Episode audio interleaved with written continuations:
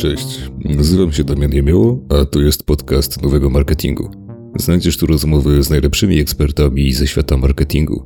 Rozmowy, w których eksperci dzielą się swoimi historiami, wiedzą i doświadczeniem. Podcastu wysłuchasz na YouTube, Apple Podcast, Spotify czy Google Podcast. Śledź nasze treści na bieżąco po więcej ciekawych rozmów z ekspertami.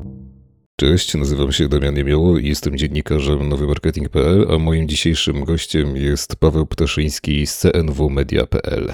Dzień dobry, bardzo mi miło. Cześć Paweł, jesteś prawdopodobnie pierwszym moim gościem, który ma aż taką wysoką jakość audio, że przytłacza nawet moją potraktuję to jako, jako komplement, bądź co bądź y, tytułowanie się y, agencją audiobrandingową zobowiązuje, no żeby, żeby to wszystko dobrze brzmiało, to trzeba też pilnować jakości. To prawda, no i też w zasadzie jesteś chyba moim pierwszym gościem, który jeśli chodzi o ton głosu i jego brzmienie brzmi bardzo podobnie do mojego, także nie będzie pomiędzy nami jakoś szczególnie wysokiego rozstrzału, jak to jest zazwyczaj. Ja postaram się mimo wszystko mówić trochę wyżej, żeby się e, nasze głosy odróżniały, ale faktycznie w ogóle twój tembr i jak niski masz głos, jest fenomenalny. Powinieneś coś z tym robić. W zasadzie robię. No właśnie, robisz. Dokładnie. No ale powolutku sobie zaczniemy rozmawiać na ten temat, który przygotowaliśmy, a dzisiaj właśnie będziemy rozmawiać o audio brandingu, czyli tak jak wspomniałeś o tym, z czym jednak się w zasadzie wasza agencja zajmuje. I zacznijmy w ogóle od samego początku, bo myślę, że to jest mimo wszystko dosyć enigmatyczne nawet dla osób, które gdzieś tutaj działają w marketingu. Czym w zasadzie jest ten audio branding? Tłumacząc y, rzeczy w sposób najprostszy, to można by powiedzieć, że to jest dokładnie to samo, co zwykły branding, tylko w odniesieniu do dźwięku. No ale żeby wytłumaczyć dokładnie, to musimy wejść trochę dalej i warto przypomnieć sobie, na czym polega branding w ogóle. Czyli pod tym sformułowaniem kryje się po prostu budowanie świadomości marki i w takim powszechnym, codziennym rozumieniu Najczęściej mówiąc branding, e, e, mamy na myśli stworzenie nazwy marki, mamy logo, mamy key visual, mamy hasło reklamowe, mamy ogół zasad, czyli to w jaki sposób będziemy z tych zasobów korzystali, mamy wzory grafik, mamy style, mamy stronę internetową i tak dalej, i tak dalej. I te, te rzeczy, które wymieniłem, łączy jeden aspekt. Są to elementy głównie wizualne. I gdy mówi się o e, budowaniu czy, czy komunikowaniu marki, często podkreśla się to sformułowanie relacja e, e, marki z odbiorcą, żeby te relacje po pierwsze nawiązać, potem podtrzymać, rozwijać i pogłębiać. No, jakiś czas temu e, mądre zagraniczne głowy marketingowe zorientowały się, że żeby nawiązywać głębsze relacje na linii marka-klient, to, to warto się temu klientowi jednak przyjrzeć. Nie? I oni, oni zobaczyli tego klienta i nagle e, olśniło ich, odkryli, wiesz, Amerykę. Bo odkryli, że człowiek, klient, on nie tylko widzi logo i grafiki, ale też czuje zapach, dotyka towarów, opakowań, ma smak, no i słyszy. Czyli dostrzegli łącznie tych pięć podstawowych naszych zmysłów, i w taki oto sposób, mówiąc w dużym skrócie, narodził się marketing sensoryczny, a potem multisensoryczny, czyli angażujemy do budowania relacji więcej niż y, tylko y, jeden zmysł. No i teraz wracając do tego, czym jest audio branding, jeżeli będziemy y, próbowali stworzyć sobie jakąś taką ogólną definicję, to możemy powiedzieć, że jest to ten zakres budowania świadomości marki, który angażuje nam nasz zmysł słuchu, po to, żeby pogłębiać relacje klienta z marką, dlatego że muzyka nadaje się do tego wyśmienicie, bo jest genialnym wręcz nośnikiem emocji. A mówiąc e, jeszcze precyzyjniej, audio branding to jest proces e, zaplanowania i stworzenia takiego zestawu utworów muzycznych i efektów dźwiękowych, które to będzie można wykorzystywać w określonej liczbie miejsc y, przy różnych okazjach, żeby dostarczyć odbiorcy marki unikatowego doświadczenia. Idąc jeszcze dalej, to możemy powiedzieć, że audio branding jest metodą do e, osiągnięcia celu, jakim jest wyróżnienie marki na tle innych, odwołując się właśnie do, do emocji, czyli do tego, do tego głębszego poziomu. I jeszcze dalej idąc, audio branding jest metodą na uzyskanie spójności przekazu, tworzy się mm, audio branding przecież w połączeniu i w oparciu o branding, nazwijmy ten e, klasyczny, czyli ten wizualno-filozoficzny. No i tutaj w zasadzie jest jedna taka bardzo ciekawa rzecz, na którą się natknąłem przy okazji researchu, mianowicie coś takiego, co się nazywa audio logo. I tutaj, jeśli możesz powiedzieć, czym to się mniej więcej różni od chociażby takiego jingla, który mamy często w głowie, czy to w zasadzie są synonimy, czy to jest coś zupełnie różnego? Wiesz, jak ja na przykład myślę o audiologu, czyli o czymś, co jest związane z tak stricte z tym dźwiękowym brandingiem, to mi przychodzą na myśl pewne takie trzy firmy, które no, mają już tak na tyle chyba rozpoznawalne to sygnowanie się, wykazywanie gdzieś tam dźwiękiem, takim krótkim jakimś właśnie jinglem, że praktycznie każdy z nas je zna. No to pierwsze, co mi przychodzi do głowy, to jest Netflix, oczywiście. Tak. Później jest to McDonald's, który też ma takie, wiesz, często przy reklamach swoich gdzieś tam na końcu puszcza to takie gwizdanie. No i Mhm. trzecim to jest Pornhub, ale to tak jakby zupełnie bez skojarzeń. Po, po prostu to jest bardzo rozpoznawalny dźwięk. Okej.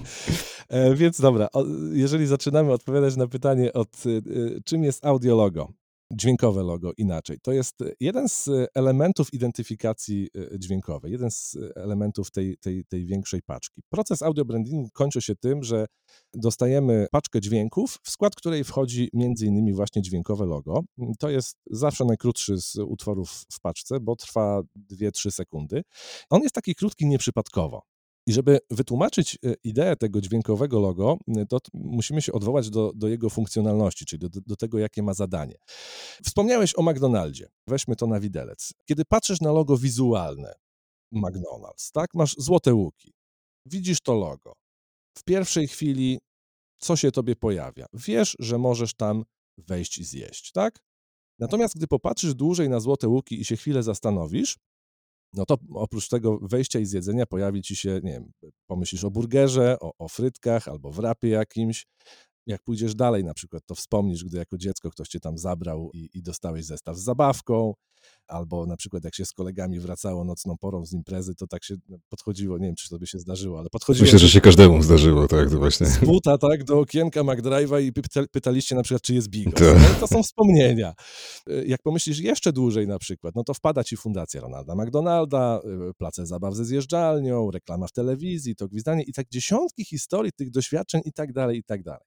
Wszystko to za sprawą rzutu okiem na dwie zakrzywione linie tak naprawdę o określonym kolorze, prawda? A w przypadku dźwiękowego logo, to wszystko, o czym wspomnieliśmy przed momentem, ma ci się pojawić w głowie, kiedy twój mózg zarejestruje ten przekaz. To jest właśnie to dźwiękowe logo, które trwa półtorej sekundy, a jego odegranie powoduje otwarcie całego katalogu rzeczy.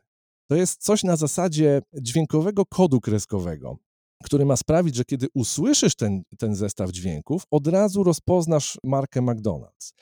I pierwszy sukces audio brandingu jest wtedy, kiedy właśnie tak się dzieje. To jest ta pierwsza funkcja e, polegająca na, na, na rozpoznaniu e, marki po odegraniu, po wysłuchaniu e, tego dźwiękowego logo. Natomiast drugi sukces audio logo i audio brandingu jest wtedy, kiedy odbiorcy Twojej marki znają te nuty i potrafią je odśpiewać, zanucić. Bo to wtedy, wtedy oznacza, że ten audio branding tak się wgryzł w ich uszy, mózgi i serca, że zostanie tam na zawsze. No a to z kolei y, oznacza, że marka, która za nim stoi, także zostanie tam na zawsze. Natomiast co do y, różnic pomiędzy audiologo a jinglem, to zależy, co rozumiemy pod definicją jingle. Dla mnie, jako, jako że koszula jest najbliższa ciału, to dla mnie jingle to jest jingle radiowy przede wszystkim. Ja od 15 lat jestem także związany z radiem. Jeżeli mogę odpowiedzieć to, e, na to pytanie pod kątem jingli radiowych na przykład, bo e, warto wspomnieć, że jingle radiowe są specyficzną formą audio brandingu. Bo tak jak na przykład dźwiękowe logo Złotych Łuków ma za zadanie przypomnieć Tobie o restauracji z frytkami, to z kolei jingle radiowy ma nam przypominać i informować nas e, o tym, której stacji radiowej aktualnie słuchamy. Często w samym dżinglu radiowym jest także wyśpiewana nazwa stacji, prawda? To jest to, co jest cechą wspólną audiologo i dżingla radiowego. Natomiast dżingle radiowe mają jeszcze jedną ważną funkcję, mianowicie służą one do e, realizacji przejść pomiędzy piosenkami. Piosenki, które są grane w radiach, one są w, w różnym tempie, w, różnych tonacjach. Niektóre kończą się e, fade-outem, wyciszeniem, e, niektóre kończą się pojedynczym uderzeniem. No I żeby usprawnić proces e, miksowania, to stosuje się różne jingle. One są w różnych tempach, w różnych tonacjach. Część, jak wspomniałem, jest śpiewana, część jest instrumentalna. One są o różnej długości. Jingle w radiu mogą być nagrywane w, w różnych aranżacjach, w różnych stylach muzycznych. Jest też coś takiego, co się nazywa w radiofonii formatowaniem jinglami, czyli mówiąc w dużym skrócie, to w jaki sposób my przygotujemy jingle e, e, radiowe, zdeterminuje nam charakter i styl stacji radiowej. Czyli podsumowując, to co różni jingle radiowe od audiologo to jest ich funkcja. Audiologo właściwie tylko przywołuje, tylko informuje nas i przywołuje nam na myśl markę i emocje, natomiast jingle też, ale oprócz tego ma funkcję dodatkową przy, przy miksowaniu utworów. Natomiast z kolei dźwiękowe logo wynika, wynika z, z czegoś większego i zaraz będzie też okazja, żeby powiedzieć o tym z czego. No właśnie, tutaj też mnie zastanawia jedna taka bardzo ważna rzecz, którą no, zaraz dosłownie mi przyszło do głowy. Ja tak kojarzę właśnie, czy to jingle, czy po prostu właśnie audio branding, audio logo i tak dalej, to przed oczami mam w zasadzie tylko duże marki. Więc zastanawiam mnie, czy po prostu taka identyfikacja dźwiękowa ma też jakieś zastosowanie w przypadku takich firm, załóżmy z sektora MŚP, czy one w ogóle sobie mogą pozwolić na to chociażby też, wiesz, w takich kategorii czysto budżetowej, i inna sprawa to, kiedy one to w zasadzie mogą wykorzystać, no bo mm, jeśli jesteśmy taką firmą, założymy jakimś małym e-commerce'em, po prostu małym e-commerce'em sprzedającym jakieś tam niszowe produkty, to gdzie my w zasadzie możemy to audio logo zamieścić? To na naszej stronie? No w sensie, no, na przykład filmów reklamowych, no to nie bardzo puścimy gdzieś tam w kinie przed, wiesz, tym właściwym filmem, czy tam gdzieś po prostu w przerwach na reklamy w telewizji i tak dalej na YouTubie, no być może się moglibyśmy znaleźć gdzieś tam, ale pewnie to też nie byłoby takie super, super proste. Gdzie to w ogóle można zastosować, jak się jest takim MŚP-kiem? No, rzeczywiście jest tak, jak powiedziałeś. Audio branding taki najbardziej rozbudowany jest przeznaczony raczej dla, dla dużych graczy. To jest coś, co wymaga bardzo dużej ilości pól eksploatacji, czyli im więcej pól eksploatacji mamy, im więcej jest tak zwanych punktów styku klienta z marką, czyli miejsc, gdzie de facto możemy zaserwować odbiorcy nasze firmowe dźwięki, tym lepiej. Co wcale nie oznacza też, że na przykład e, małe i średnie przedsiębiorstwa, małe firmy nie mogą się posługiwać identyfikacją dźwiękową. Jak najbardziej mogą nie ma takiej marki, nie ma takiej instytucji, e, nie ma takiej e, rzeczy, której nie dałoby się opowiedzieć muzyką. Wszystko można opowiedzieć muzyką. Pytanie, e, czy warto? Bo rzeczywiście, tak jak powiedziałeś, jeżeli ktoś ma stworzyć audio branding swojej firmy, i schować te, te pliki do katalogu na komputerze i korzystać z tych plików raz, dwa razy do roku, to, to rzeczywiście nie ma to najmniejszego sensu. Audio branding pracuje na naszą markę dopiero wtedy, kiedy jest odpowiednio często grany i w odpowiednio dużej ilości miejsc. No tutaj jest idealna przestrzeń tak naprawdę do gamingu. Ja no wydaje mi się, że gry komputerowe to nie bardzo mogą istnieć bez właściwie tego, bez jakiejś identyfikacji dźwiękowej, bo poza gdzieś tam no, no, dubbingiem chociażby czy coś takiego, no to mamy też do czynienia bardzo często ze ścieżkami dźwiękowymi, które potem potrafią być przez graczy odsłuchiwane nawet już po przejściu, po przejściu tego tytułu danego. No chociażby, nie wiem, no soundtrack z Wiedźmina, no to chyba każdy, kto chociaż raz w życiu zagrał, to ma go w głowie do dzisiaj. Nie? Oczywiście, że tak. W ogóle e, to, w jaki sposób rozwinął się rynek gier w kontekście, w kontekście dźwięku, w kontekście sound designu i, i muzyki, tak jak wspomniałeś, to jest coś niesamowitego. Ja pamiętam, że, że, że kiedy ja zaczynałem swoją przygodę z grami, z, z grami wideo, to było, to było 30 lat temu ponad, to wtedy, wtedy muzyka w tych grach raczkowała, a dzisiaj, e, już od, od dobrych kilku lat tak się dzieje. Dzisiaj za, za robienie muzyki do gier biorą się tuzy e, światowej muzyki filmowej na przykład. Więc to jest coś, coś rewelacyjnego i rzeczywiście muzyka w grach, dźwięk w grach to jest coś, na czym pracują bardzo duże zespoły ludzi. No jeśli już tutaj rozmawiamy o audio brandingu, to jakie ono ma jeszcze zastosowania i co możemy tutaj przekazać za pomocą właśnie czy to audiologio, czy po prostu całej tej identyfikacji dźwiękowej? Bo tu wspominałeś między innymi o tych emocjach, ale co takiego w zasadzie mm, możemy po prostu, wiesz, zawrzeć w tym przekazie emocjonalnym, no nie? Bo jeśli chodzi, wiesz, o zapamiętywalność na przykład tego, no to świetnie, że ktoś zapamiętał, tak samo jak świetnie ktoś zapamiętał naszą identyfikację wizualną, no, na przykład logotyp, sygnał i tak dalej, tylko dobrze by było, żeby jeszcze się z czymś kojarzył. Musimy wziąć teraz pod uwagę tę tezę wysuwaną przez promotorów marketingu multi, multisensorycznego. Jeżeli to, to zrobimy, to, to, dźwięk stanowi po obrazie najważniejszy zasób, bo zmysł słuchu jest istotny dla nas z przyczyn ewolucyjnych. My słyszymy od, od narodzin, nawet przed narodzinami słyszymy przecież jeszcze w fazie prenatalnej te dźwięki z otoczenia do nas dochodzą. My od narodzin aż do śmierci jesteśmy dźwiękami otoczeni, a dźwięk był i wciąż jest dla nas nośnikiem wielu informacji, w tym także niezbędnych do przeżycia. Bo na przykład w ciemności prędzej usłyszysz tygrysa, który się do ciebie zbliża, niż go zobaczysz, prawda? Jak piorun walnie blisko, no to znaczy, że trzeba się schować. Za, za, za tym, za, za nami stoi genetyka dająca nam umiejętność kojarzenia, rozpoznawania i analizowania dźwięków. Natomiast gdy dołożymy do tego takie cudo cywilizacji, jakim jest muzyka niosąca emocje, no wówczas mamy potężne narzędzie. I jeżeli pytamy, po co e, e, przykładać e, uwagę do audiobrandingu, no to równie dobrze moglibyśmy machnąć ręką na wspomnianą już muzykę filmową czy muzykę do gier. No po co płacić Hansowi Zimmerowi miliony dolarów za następną ścieżkę dźwiękową, jeżeli można by do filmu dać muzykę stokową, prawda? Muzyka wzmacnia obraz, wzmacnia przekaz, dokłada nam tony emocji. Dlaczego miałaby nie być stokowa? No ale tym efektywniej działa, jeżeli jest y, ona skrojona na miarę. Filmy pamiętasz, gry pamiętasz, między innymi ze względu na muzykę. Audio branding jest soundtrackiem dla marki. Takim samym jak, jak muzyka filmowa y, w filmach. To jest dzieło uszyte dla konkretnego brandu, konkretnego odbiorcy i konkretnego celu. I z tego samego powodu muzyki filmowej z Gladiatora na przykład nie, nie, nie, nie usłyszeliśmy w żadnym innym filmie. No i teraz wyobraźmy sobie, że na przykład firma czy marka ma postać ludzką, tak? Ma, ładnie się nazywa, ładnie wygląda, ładnie, ładnie się ubrała, mieszka w ładnym domu, jeździ ładnym autem, ale nie mówi. Nie ma głosu. Przychodzi na wystąpienie publiczne, pokazuje kartki z tekstem czy obrazkami, nie? Albo puszcza nam na przykład na telefonie cudzy głos. Albo mówi na przykład głosem, który E, który później mówi gdzieś indziej jeszcze, jak, jak w przypadku muzyki stokowej. Ja się parę razy sam naciąłem, znalazłem na stokach świetny kawałek, wrzuciłem do swojego kontentu, za dwa tygodnie patrzę, leci na YouTubie reklama czegoś innego z tą samą muzyką. Jak tu się wyróżnić? Natomiast muzyka, jak wspomniałem, jest, jest nośnikiem emocji, zatem e, emocje i nastroje e, można, można przekazywać. Już dawno temu gdzieś w badaniach wyszło, że e, e, jeżeli e, na stoisku z winami na przykład będziemy grać muzykę francuską, no to tam wzrośnie nam sprzedaż win z Francji.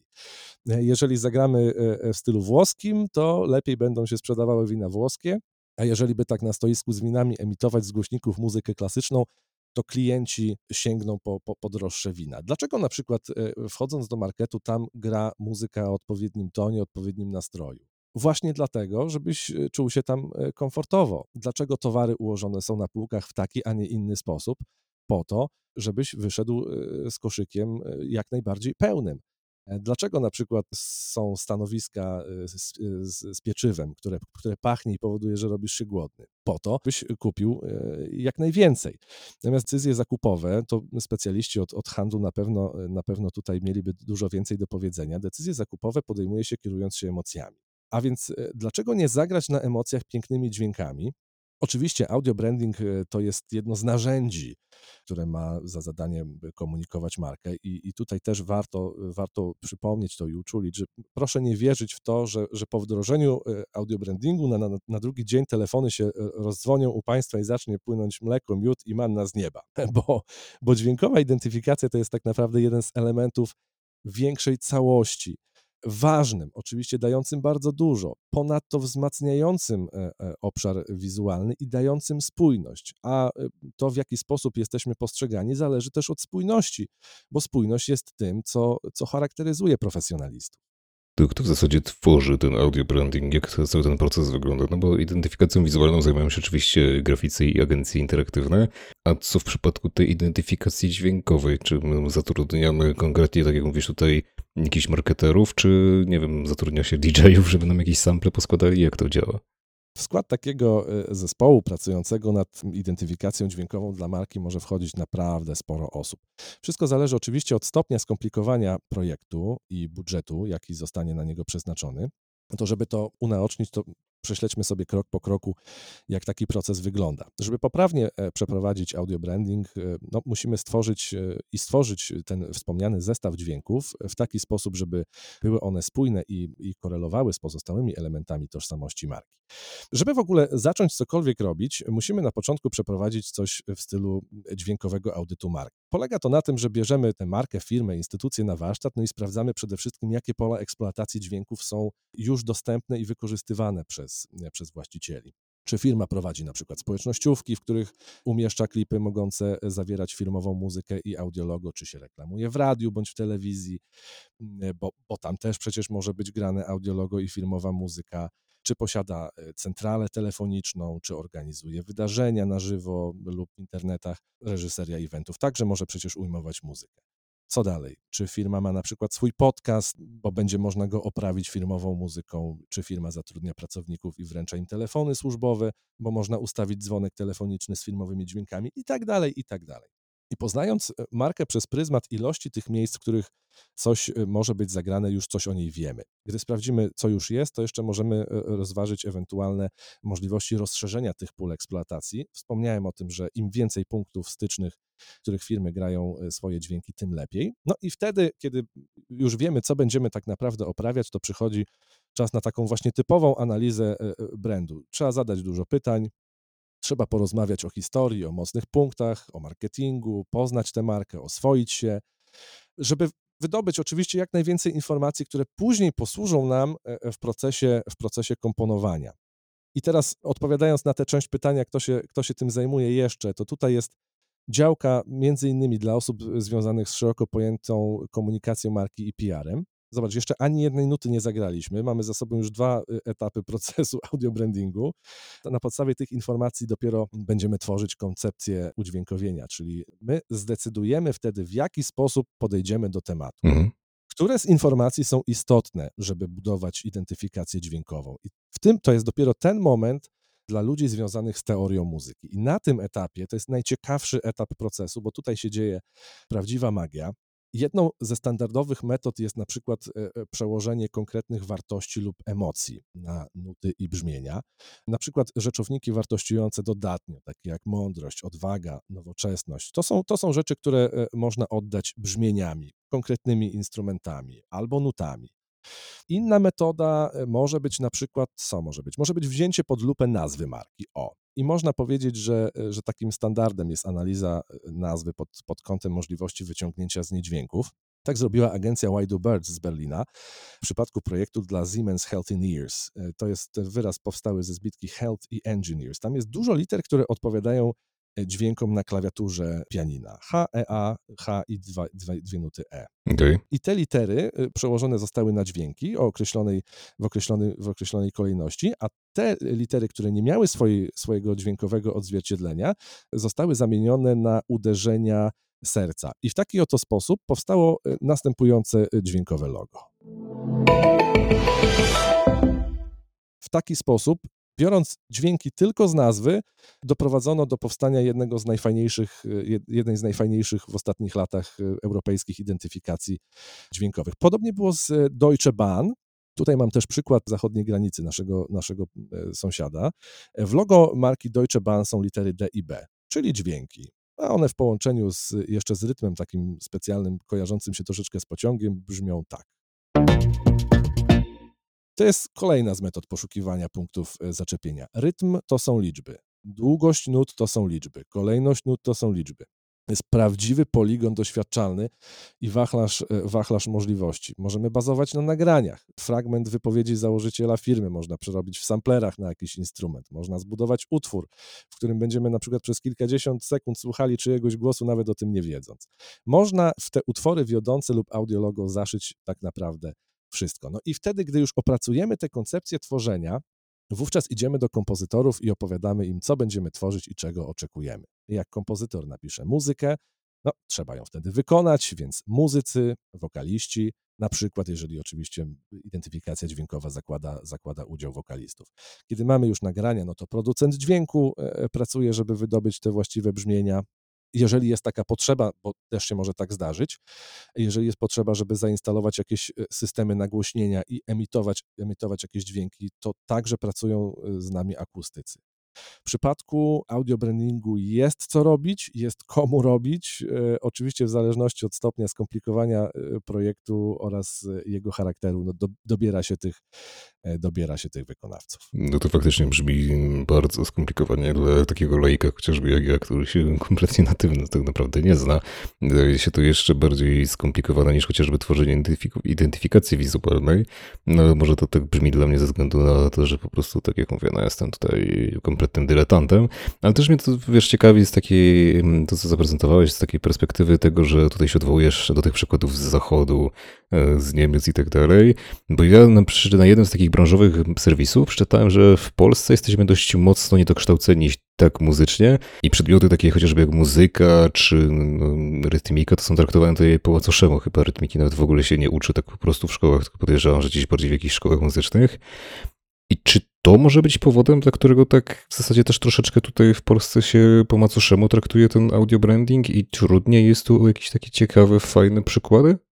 Dzisiaj nawet przed południem rozmawiałem o tym z moimi znajomymi, że rzeczywiście z tą muzyką i z tą edukacją muzyczną u nas nie do końca jest najlepiej. Mm. Ostatnio nawet y, jeden z kolegów, pianista, z którym współpracuję, który prowadzi e, lekcje dla dzieci, mówił mi, że dzieciaki w ogóle mają problem ze zrozumieniem, że, że istnieje coś takiego jak wysokość dźwięków, tak? I śpiewają mu kolędę wśród nocnej ciszy. Jest w tej tezie, którą podałeś, sporo prawdy. Ja sam pamiętam, przypomniało mi się właśnie dzisiaj, kiedy rozmawiałem ze znajomymi, przypomniały mi się te moje pierwsze lekcje muzyki w szkole podstawowej. Przecież to był dramat. No tak, no ja pamiętam, że u nas to wyglądało w ten sposób, że po prostu gdzieś tam nauczyciel w gimnazjum grał na gitarze, śpiewał z, ze trzema, czterema osobami, a reszcie kazał pisać pisać nuty, jak my przychodziliśmy z, z, nutami, czyli po prostu napisaniem czegokolwiek tak naprawdę on tak popatrzył, no i tak no nie chciał, żeby tam było przykro, więc powiedział, no dobra, to trzy. I na tym się zakończyło. To jeszcze pół biedy, że, że, że był człowiek z gitarą i grał. U nas, jak ja byłem w szkole podstawowej na początku lat 90., pani realizowała program, a w programie był flet. Okej. Okay. I jakieś tam melodyjki do nauczenia na tym flecie. No, ja, ja w drewno nie lubiłem dmuchać, a że już wtedy coś grałem na pianinie, to zaproponowałem pani nauczycielce, że to może ja na pianinie to samo zagram. Nie, ma być flet. To samo tyczy się na przykład właśnie jak śpiewania na ocenę.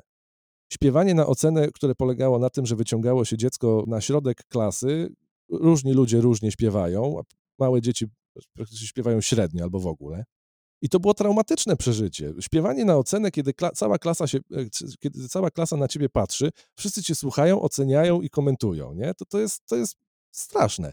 I my pomimo, pomimo tego, że mamy tak barwną przecież w Polsce historię muzyki, to mamy tak kolorową muzykę, piosenki ludowe na przykład, jesteśmy ta, takim trochę amuzykalnymi ludźmi, jesteśmy takimi trochę awokalnymi. Nie ma u nas takiej już chęci śpiewania, my się wstydzimy śpiewać. Dopiero wtedy, kiedy na weselu określona ilość tam popłynie, tak, to wtedy, o, wtedy śpiewamy. Faktycznie tak z komuś z zewnątrz to chyba byłoby trudno uwierzyć, że to jest naród, który dał światu Chopina na przykład. Prawda? My się wstydzimy śpiewać, my się boimy oceniania. Nie, ja nie wiem, jak jest teraz e, w szkołach, no ale mówię, ja za moich czasów pamiętam, że było raz na miesiąc coś takiego jak filharmonia. Czyli jakiś muzyk albo grupa muzyków przychodziła do szkoły i robili pokazy instrumentów. To było ciekawe nawet. Ostatnio gdzieś nawet widziałem tu, tu, w moich stronach w zachodniej Polsce relacje z jakiegoś spotkania dzieci właśnie z filharmonikami. Ciekawie to wyglądało, była duża sala, taki duży dywan, te dzieci malutkie się, y, się bawiły przy dźwiękach muzyki. Jak się zainteresowały, to podchodziły do tych instrumentów, tam poznawały. Jakieś dzieciątko tam na tej strunce coś szarpnęło, coś tam dmuchnęło w tą trąbkę. Edukacja muzyczna to jest bardzo ciekawa rzecz. Już pomijając fakt, że, że, że granie na instrumentach y, rozwija nam obie półkule mózgowe, ale to przede wszystkim muzyka uczy wrażliwości, daje dużo radości, jest źródłem endorfin. A jeżeli nawet nie gramy, to przecież śpiewając e, też się, e, też się można nieźle zmęczyć. I czy, czy to jest powód, dla którego dźwięk jako zasób jest niedoceniany? Zastanawiałem się nad tym, ale myślę, że w pewnym stopniu tak, ale jeszcze nie w takim, żeby ten, ten brak wrażliwości i edukacji muzycznej dominował. Bo Bierze się to stąd, że audio branding w rozumieniu tego marketingu sensorycznego to jest rzecz y, stosunkowo nowa. Natomiast y, mechanizmy, oczywiście mechanizmy, do których się odwołuje, no, działają od tysięcy lat. Natomiast dopiero niedawno ktoś zobaczył tę zależność, nie? To tak jak jakby na przykład szukając porównania mm, z energią słoneczną. Słońce świeci od miliardów lat, ale dopiero od paru dekad korzystamy z baterii słonecznych. Pozwalają nam na to technologia i wiedza. Także dźwięk oddziaływuje na mózg od tysięcy lat, ale dopiero e, niedawno ludzie zaczęli korzystać z muzyki do, wywoła do wywoływania konkretnych e, emocji i do sterowania na przykład ich decyzjami zakupowymi. Dźwięk jako zasób właściwie jest traktowany po macoszemu e, nie tylko w Polsce, Natomiast fakt jest taki, że Zachód rzeczywiście już e, jakiś czas temu zaczął rozumieć moc płynącą z dźwięku. Do nas do, do, e, dopiero powoli to dociera. Natomiast jako ciekawostkę e, mogę podać, że jeden z najstarszych audio brandingów świata to są dzwony kościelne.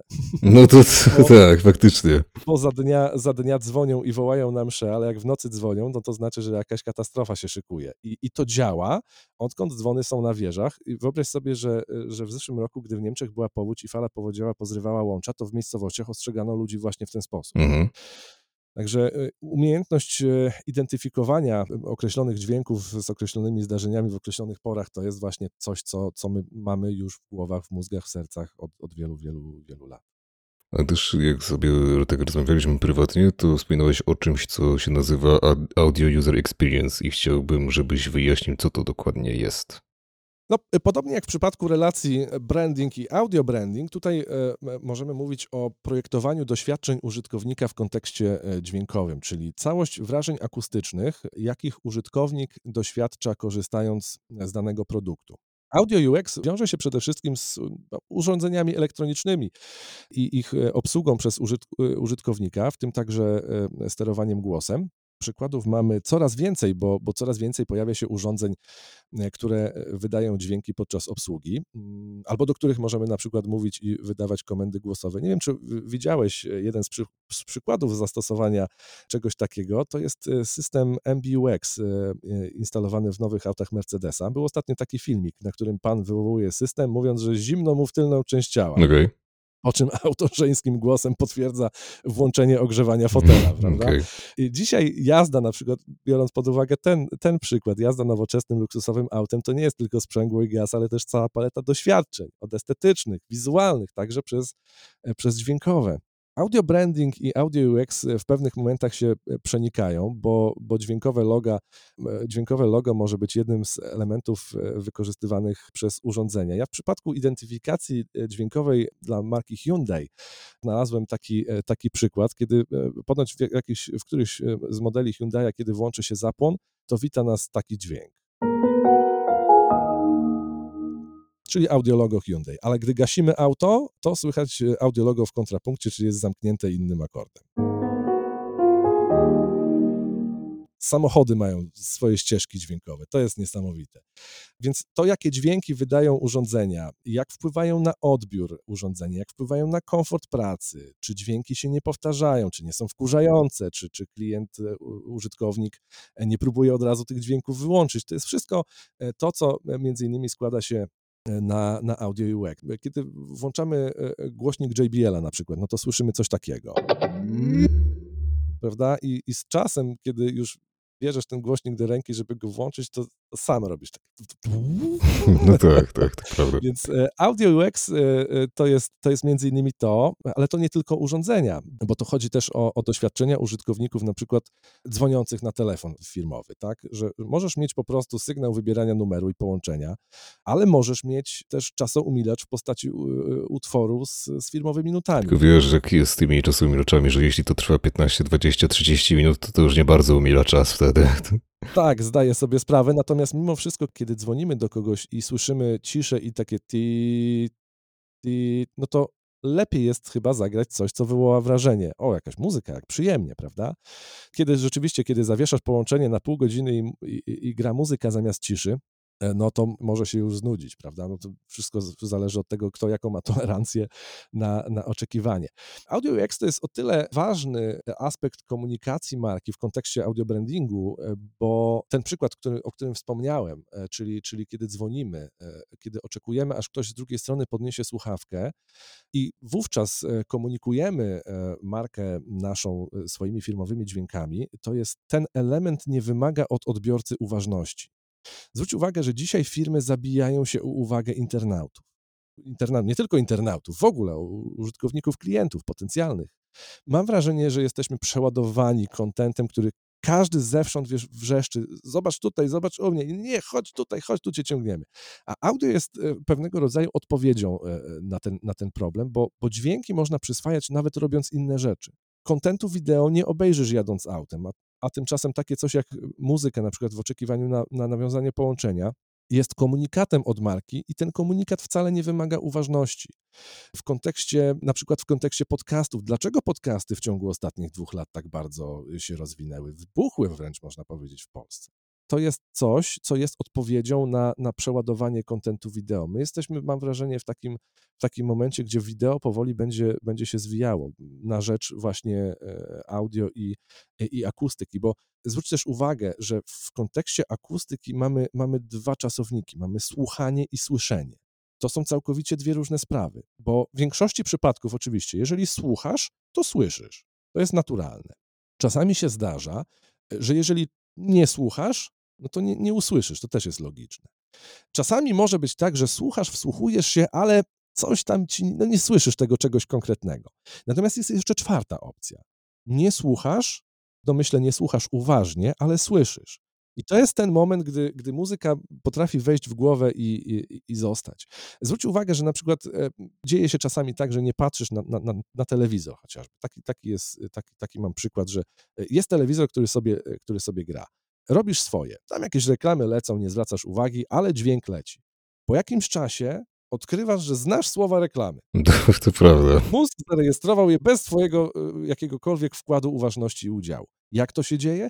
A no właśnie to jest ten mechanizm, kiedy nie słuchamy uważnie, e, a słyszymy. Ale wiesz co, tutaj mi od razu pierwsze co przyszło na myśl, jak o tym usłyszałem, to to, że zauważ ile ludzi ma taki, nazwijmy to, problem że jakaś muzyka, jakiś utwór, jakiś beat im wchodzi w głowę i nie mogą, nie może po prostu z tego wyjść. No nie, ktoś na przykład tak ma, że nie wiem, wszedł im jakiś kawałek do głowy i cały czas go gdzieś tam nucą, albo cały czas go gdzieś tam nucą w głowie, ale nie słyszałem nigdy czegoś takiego w przypadku chociażby jakiejś sceny y, filmowej czy wideo. Nie, nie, nie miałem nigdy kogoś takiego, może żyję w bańce informacyjnej, ale żeby jakiś kumpel do mnie powiedział, że wiesz co, no cały czas mam po prostu przed oczami gdzieś tam jakąś tam scenę z tego filmu i ona mnie dręczy i powraca i ciągle ja to przywołuję w głowie i mam cały czas ten obraz, ale z muzyką jest na odwrót. Ale na przykład Agify, mm, Okej. Okay. Agif kota, który, który kiwa głową w jakiś rytm, Pamiętasz na pewno. No to tak. to jest. Ale wiesz, jest mniejsza szansa, że będzie mnie dręczyć tak jak jakiś na przykład utwór. Tak, to prawda. Specjaliści od audio brandingu mają na to e, nawet e, anglojęzyczną nazwę, która się nazywa earworm, czyli e, robak. E, robak, który wchodzi, wchodzi w ucho i zostaje. I rzeczywiście e, ideą audio brandingu i w ogóle e, tworzenia wyżej, idąc wyżej strategii dźwiękowej, jest stworzenie takich nut, które w tej pamięci pozostaną takiego rytmu, który w tej pamięci pozostanie, takiego tutum, kiedy będziemy odpalać e, Netflixa, żeby to w naszej e, pamięci zostało. Dzisiaj na przykład, ja też podaję e, taki, taki przykład, że dzisiaj nie da się przeczytać zdania dłuższe życie każdej pralki to Kalgon, prawda? bez, bez zanucenia tego, bo to działa w taki sposób, że, że, że jak raz już weszło, to jest 30, prawie 30 lat i cały czas to hasło reklamowe wyśpiewane cały czas działa. To pokazuje właśnie mechanizm, jak to się wgryza w głowę, jak to się wgryza w mózg. Audio branding działa też e, tak, jak, tak jak ulubione piosenki. My utożsamiamy ulubione piosenki z jakimiś sytuacjami, gdy było nam sympatycznie i przyjemnie, prawda? Gdy był jakiś, jakiś przebój lata, nam się kojarzy z latem, gdzie byliśmy na urlopie i to można, można by długo, długo na ten temat mówić. No tak, ale ja też bym chciał porozmawiać o tym, jak w ogóle mierzyć efektywność takiego wpływu audio na, na zachowania konsumenckie. No bo w przypadku formy chociażby tekstowej, no to jest to wiele łatwiejsze, ze względu na to, że po prostu widzimy te na przykład zasięgi organiczne postów, ile ktoś czasu spędzi na danej podstronie i tak dalej. Mamy do tego mnóstwo różnych narzędzi, typu, nie wiem, Google Analytics. A co jest w przypadku audio? No bo audio, no okej, okay, możemy mierzyć na przykład liczbę odsłuchań albo czas odsłuchań, chociażby przez takie Spotify czy YouTube, ale jeśli jakby byśmy wyszli z tym audio poza, te platformy, no to czym możemy to mierzyć? Zadałeś pytanie, które zadają sobie filozofowie, specjaliści, psychologowie od setek, od tysięcy, jak nie od tysięcy lat. Jak można zmierzyć miłość? To jest bardzo trudny aspekt tego zagadnienia, bo tak jak wspomniałeś, w różnych obszarach różnie można albo nie można mierzyć. E, no jednym z elementów mierzenia efektywności audio brandingu pierwsze, co przychodzi do głowy, to, że mogą być ankiety na przykład i badanie wrażeń e, użytkownika, e, klienta. Natomiast no tutaj nie ma pewności, że, że ktoś, kto odwiedzi Twoją markę i że w ogóle weźmie udział w ankiecie i coś, jakiś tam ślad po sobie pozostawi, jakąś opinię. Inną metodą badania efektywności oddziaływania mogą być e, jeszcze podczas, podczas projektowania audiobrandingu testy porównawcze AB na etapie produkcji. Czyli na reprezentatywnej próbie można by próbować sprawdzać, która z przygotowanych opcji przemawia do grupy odbiorców bardziej. To są generalnie proste narzędzia, które można ogarnąć nawet własnym sumptem. Nazwijmy to, że nie drenują y, y, za bardzo kieszeni. Natomiast są narzędzia do tego, aby mierzyć efektywność audiobrandingu w sposób profesjonalny, czyli za pomocą sztucznej, sztucznej inteligencji, algorytmów i analizatorów treści. Są specjalistyczne firmy, które e, oferują tego typu narzędzia. No i w przypadku realizacji identyfikacji o dużych budżetach, no, jesteśmy w stanie w jakiś sposób sprawdzić, na ile przygotowany audio branding trafia w to, co zakładaliśmy, no i korygować ewentualne, e, ewentualne niedoskonałości. Natomiast, tak jak mówiłem, no, audio branding nie powinien być używany jako wyłączny element komunikacji marki, bo to jest część większej całości. To jest coś, co daje efekt synergii w połączeniu z innymi e, elementami tożsamości firmy rozpoznawalność marki nie zwiększy się z dnia na dzień, bo, bo audio branding to nie jest e, zdarzenie punktowe, tylko, tylko też proces. Najpierw proces tworzenia, a potem proces eksploatacji e, tych e, materiałów. A na przykład, jak weźmiemy pod uwagę wspomniane już jingle radiowe, te materiały się osłuchują, zużywają, Jingle radiowe też się zużywają i osłuchują. No i czasem przychodzą pomysły, żeby zastąpić je nowszymi. Przychodzą nowe pomysły na nowe wykorzystywanie dźwięku, na nowe pola eksploatacji. E, dlatego ja zawsze właśnie podkreślam, że audio branding jest wyniesieniem promocji i komunikacji marki na wyższy poziom. To jest poziom bardziej wymagający, bo niezbędna jest konsekwencja, niezbędne jest planowanie, a jeżeli tak jak mówiłem, że ktoś, ktoś zrobi audio branding, wrzuci to do, do komputera, mm, dwa razy w roku z tego skorzysta, to nie da to żadnego efektu. Dlatego ważne jest, żeby na tworzenie takiej strategii dźwiękowej poświęcić odpowiednio dużo czasu, no i mieć świadomość tego, czy my tego rzeczywiście potrzebujemy, czy nie. Ja spotykam się czasami z, z takimi sytuacjami, że, że producent dźwięku, który jest producentem, zna się trochę na tym, on mówi, że oferuje audio branding. No to pytam, jak to wygląda. Słyszę, no mam syntezator w domu, jak podeślesz tam jakieś wskazówki, to po południu posiedzę i jutro coś ci przyślę. Nie? No to takie coś to nie jest audio branding, tylko raczej sound design, który nie będzie miał nic wspólnego z, z marką, z wartościami, ze strategią. Nie da się w tydzień zrobić audio brandingu, tak samo jak nie da się w tydzień, dwa, trzy zmierzyć jego efektywności i zobaczyć, e, czy, czy, czy działa.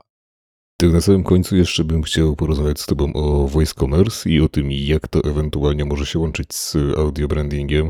Jakie tutaj widzisz pole do wykorzystania, no bo to jest obszar, który tak naprawdę dopiero zaczyna roczkować, ale gdzieś tam zaczynamy coraz chętniej tutaj w Polsce czy w Europie korzystać z mm, po prostu takich e-commerce'ów, które nie polegają już tylko i wyłącznie na dodaj do, po prostu wiesz, do koszyka, coś tam kliknij przez stronę. Tak zaczyna się właśnie pojawiać voice commerce, zaczynają się pojawiać live commerce. Także jak tutaj audio może pomóc nam? To jest w ogóle bajka i magia, bo ja pamiętam, że sterowanie głosowe i rozmowa z komputerem to jest coś, co widziałem na filmach science fiction albo, albo w bajkach. Mm. Nie wiem, czy pamiętasz taki serial Night Rider. Tak, pamiętam doskonale. On, to był z Davidem Hasselhoffem e, tak. serial. On jeździł tak. takim czarnym samochodem, który miał w ogóle swoją sztuczną inteligencję i tam rozumiał jego tak polecenia jest. głosowe. Powiem ci, że to jest tak niesamowicie kultowy, a jednocześnie tak niesamowicie zapomniany serial w tym kraju, że aż jestem w szoku, że go przywołałeś. Dokładnie, 30 lat temu to było jak nie lepiej. David Hasselhoff rozmawiał, z, to był Pontiac Trans Am, zdaje się. I wtedy ja się wtedy zastanawiałem, czy za mojego życia będzie jeszcze można porozmawiać z takim elektronicznym urządzeniem. I okazuje się, że nie minęło bardzo dużo czasu, a można. I możesz sobie porozmawiać z Siri, możesz sobie porozmawiać z Alexą, tak, ona się tak nazywa. E, możesz porozmawiać sobie z asystentem Google'a. E, e, czy kupowanie za pomocą głosu może się łączyć? Myślę, że będzie się łączyć, bo tak jak specjaliści od, od UX opracowują te ścieżki zakupowe w sklepach online, tak e, specjaliści od Audio UX mogą brać e, udział w pracach nad udźwiękowianiem różnego rodzaju aplikacji czy urządzeń. Nie wiem za bardzo nie, nie, a propos wielu, wielu rzeczy a propos e, Voice Commerce, natomiast pytanie, jakim kanałem takie zakupy będą się odbywały? Jaki będzie trend i kierunek.